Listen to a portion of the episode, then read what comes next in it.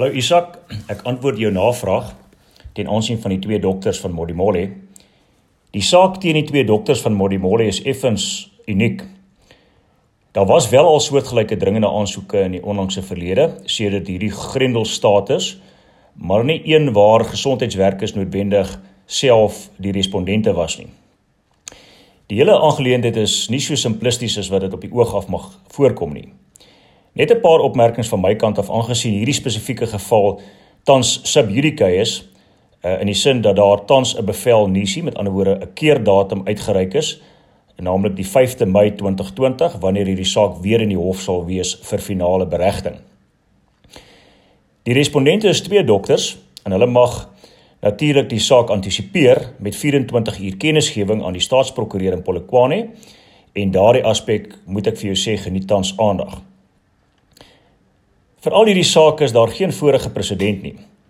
Ons almal, selfs die regters ingesluit, uh leer soos dinge maar ontvou. Dit gaan hier in die eerste instansie oor publieke belang en tot watter mate die staat individuele menseregte regmatig mag inperk tot moontlike voordeel van die breë publiek. Dis 'n waarde of 'n belangeoorweging uit die aard van die saak.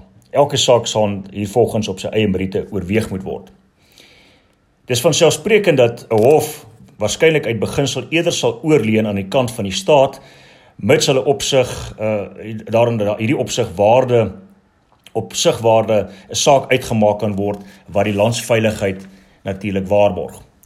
Die probleem is in my mening dat ons hier sien sprake is van magsmisbruik deur enerzijds die SAPS en miskien ook die weermag wat lyk my van tyd tot tyd nie hulle perke ken nie. Verder meer uh is die staat se aand en môre praatjies nie noodwendig dieselfde nie. Die regulasies word binne ure of dae dan liekraak gewysig en aangepas. Uh en selfs tussen die nasionale en die provinsiale vlakke is daar verwarrende uitsprake. In hierdie spesifieke saak is die hoof van die uh Limpopo Gesondheidsdepartement Dr Tokozani Mklongu, die tweede respondent met die MEC van gesondheid in Limpopo, die eerste respondent. Die twee dokters word tans aangehou in kwarantyne in die MDR TB Hospitaal in Modimolle.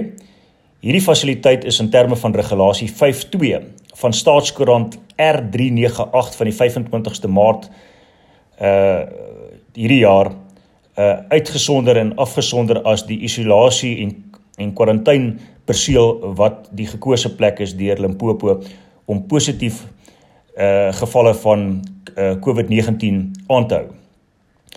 Daar's natuurlik heelwat lekinas of leemtes as in in gewone doodgewone Afrikaans uh in hierdie aanvanklike regulasies wat uitgevaar is uitgevaardig is deur die onderskeie ministers.